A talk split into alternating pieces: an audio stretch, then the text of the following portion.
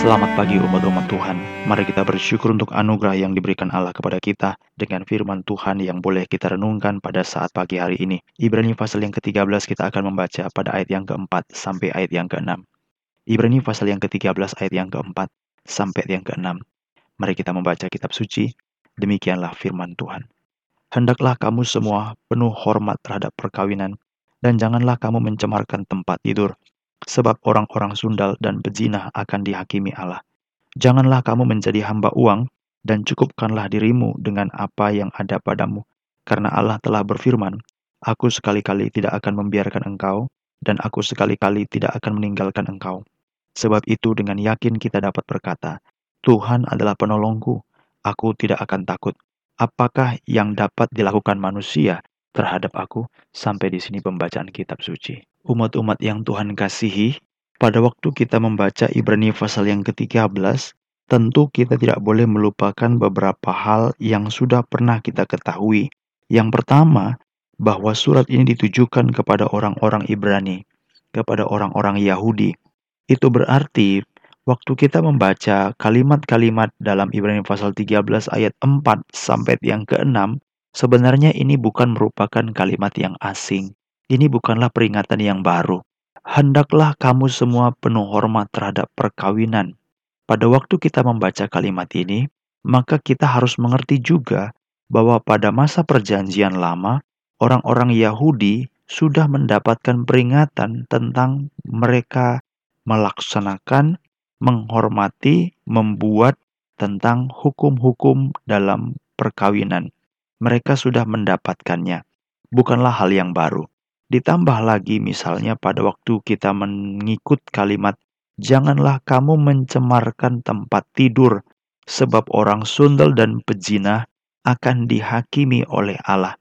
Itu pun adalah kalimat yang juga merupakan bagian dari hukum Tuhan yang diberikan kepada Musa di Gunung Sinai. Jangan berzina. Dalam keluaran pasal yang ke-20 ayat 1 sampai 17. Sehingga waktu kita membaca kalimat-kalimat ini, ini bukanlah kalimat yang baru bagi orang-orang Yahudi, bukanlah kalimat yang baru bagi orang Ibrani.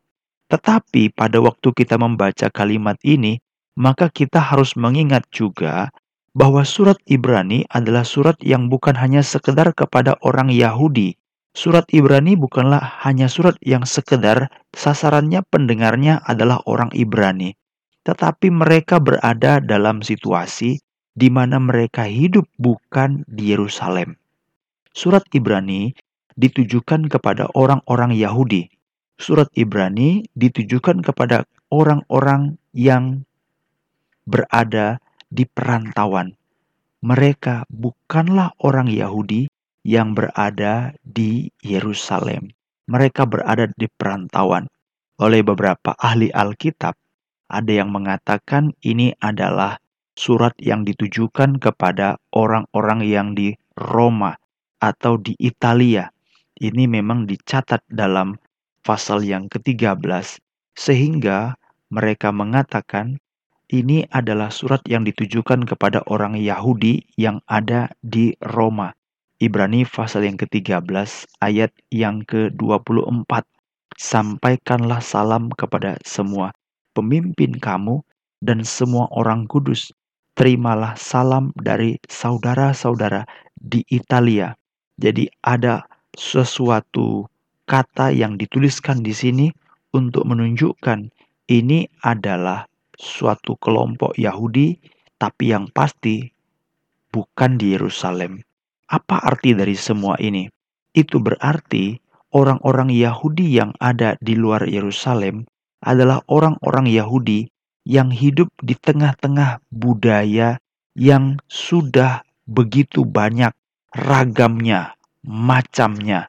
Budaya itu datang dari mana? Mereka tidak bisa tahu, mereka tidak bisa mengerti.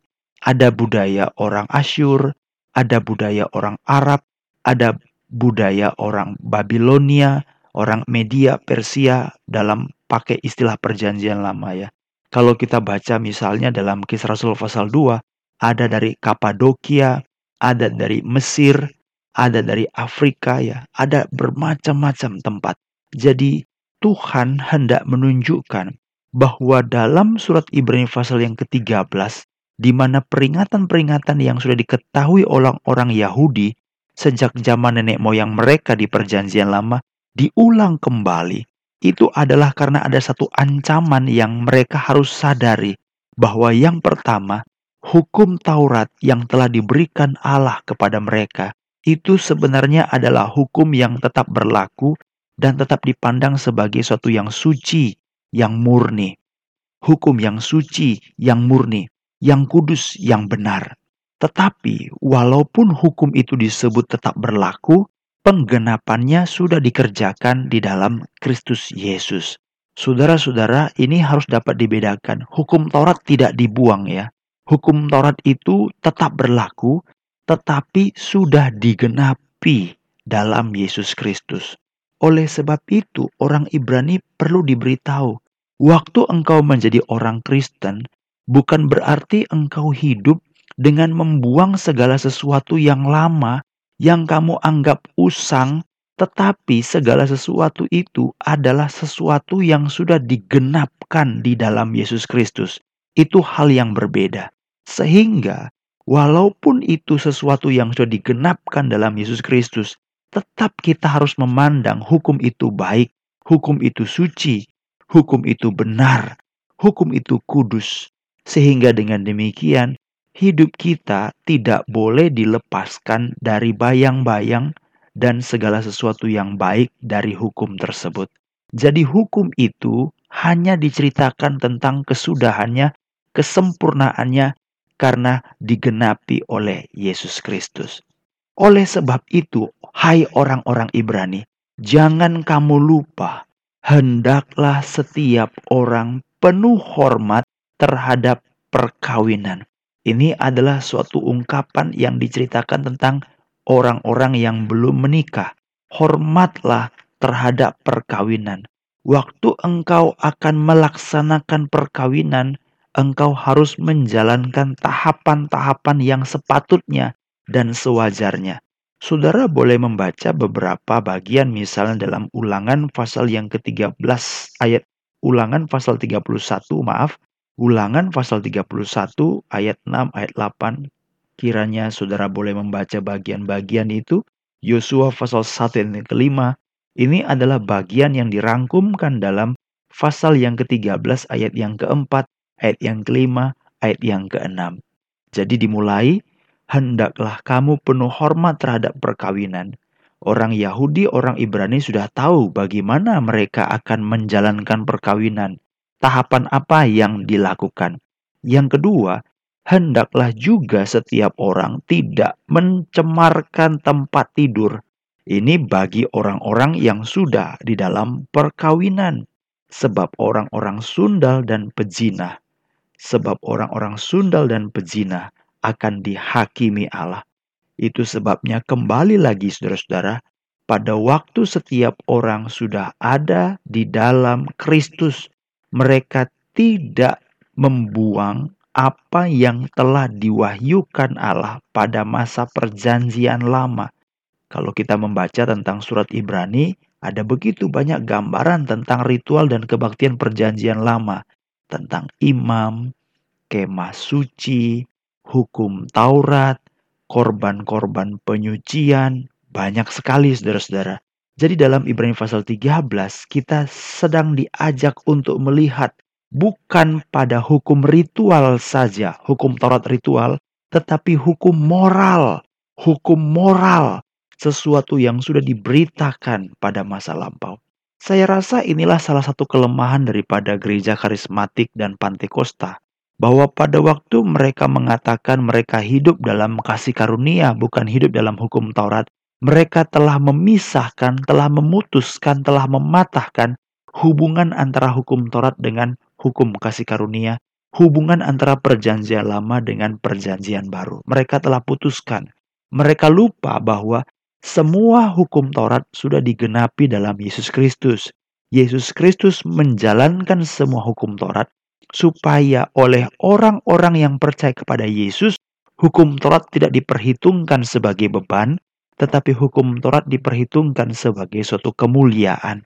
Nah, itulah sebabnya orang Ibrani yang percaya kepada Yesus, kamu tetap harus menjalankan apa yang telah ditentukan oleh Tuhan. Dalam hal ini, hukum moral. Hukum moral. Yang ketiga, saudara-saudara, dalam ayat yang kelima, janganlah kamu menjadi hamba uang dan cukupkanlah dirimu dengan apa yang ada padamu. Ini merupakan suatu kalimat yang sebenarnya bukan baru lagi bagi orang-orang yang disebut dengan orang-orang Yahudi. Kenapa bukan hal yang baru bagi orang-orang Yahudi? Karena sebenarnya memang bagi orang-orang Yahudi atau bagi orang-orang Ibrani, hal untuk hidup, gaji, pendapatan itu memang merupakan hal yang sangat penting. Dari mana kamu mendapatkan uang itu penting. Dan bagaimana kamu memperoleh uang itu penting. Saudara-saudara, baik hukum Taurat maupun dalam perjanjian baru, ini pun merupakan sesuatu hal yang tidak boleh diabaikan begitu saja. Misalnya, pada waktu Yohanes Pembaptis melayani, maka dia ditanya oleh para prajurit-prajurit, Lukas pasal yang ketiga ayat yang ke-12. Datanglah pemungut cukai untuk dibaptis dan bertanya kepada Yohanes Pembaptis, "Guru, apakah yang harus kami perbuat?" Lukas 3 ayat 12. Ayat 13. Jawabnya Yohanes Pembaptis, "Jangan menagih lebih banyak daripada yang telah ditentukan bagimu." Itu aturan etika, moral yang harus dikerjakan oleh para pemungut cukai. Lalu Lukas pasal 3 ayat 14 dan prajurit-prajurit bertanya juga kepadanya, "Kalau kami, apa yang harus kami perbuat?" Jawab Yohanes kepada mereka, "Jangan merampas, jangan memeras, dan cukupkanlah dirimu dengan gajimu." Dari sini kita bisa tahu bahwa memang tidak ada sebenarnya sesuatu hal yang harus kita lakukan untuk memutuskan antara perjanjian lama dengan perjanjian baru. Karena semuanya itu dari satu Tuhan. Tetapi penggenapannya sudah dikerjakan oleh Yesus Kristus. Tetapi walaupun itu sudah digenapi dalam Yesus Kristus, maka aturan tuntutan-tuntutan moral yang dikenakan harus tetap dikerjakan tetapi bukan dikerjakan dengan kekuatan, dikerjakan oleh anugerah Yesus Kristus. Itulah orang percaya. Sehingga orang-orang Ibrani dalam Ibrani pasal 13, mereka diperingatkan, kita sudah mewarisi ini dari para orang-orang beriman, bapak-bapak kita. Ini sudah kita terima dari orang-orang percaya, pendahulu-pendahulu kita. Sebab itu, pelihara jangan buang. Tetapi bukan dikerjakan karena kita ingin diselamatkan. Kita mengerjakannya karena kita sudah diselamatkan. Kita mengerjakannya bukan berdasarkan syariat. Jika ada satu hal yang detail yang hilang, maka kita menjadi cemar dan najis. Bukan. Kita menjalankannya karena anugerah yang sudah digenapkan oleh Yesus Kristus dikenakan kepada kita. Namun demikian, tetap hendaklah penuh hormat terhadap perkawinan. Yang kedua, janganlah mencemarkan tempat tidur. Yang ketiga, jangan menjadi hamba uang dan cukupkan diri dengan apa yang ada padamu. Aku sekali-kali tidak akan membiarkan engkau, dan aku sekali-kali tidak akan meninggalkan engkau. Yang terakhir, sebab itu dengan yakin kita dapat berkata, Tuhan adalah penolongku Aku tidak akan takut. Apakah yang dapat dilakukan manusia terhadap aku? Saudara yang dikasih Tuhan, Tuhan tetap menuntut. Tidak ada satu perbuatan yang akan lolos dan luput, karena semuanya akan dihakimi dan dipertanggungjawabkan di hadapan Allah. Oleh sebab itu, jangan pernah menyalahgunakan anugerah dan kasih karunia Tuhan. Jangan pernah berlindung di balik topeng pelayanan dan jabatan-jabatan gereja. Jangan pernah menunjukkan bahwa dengan kegiatanmu datang ke gereja adalah cara untuk lolos dari penghakiman Allah. Tidak. Setiap firman yang diberikan Allah pada masa lampau pun tetap dituntut Allah dari hidup kita sampai nanti waktunya genap.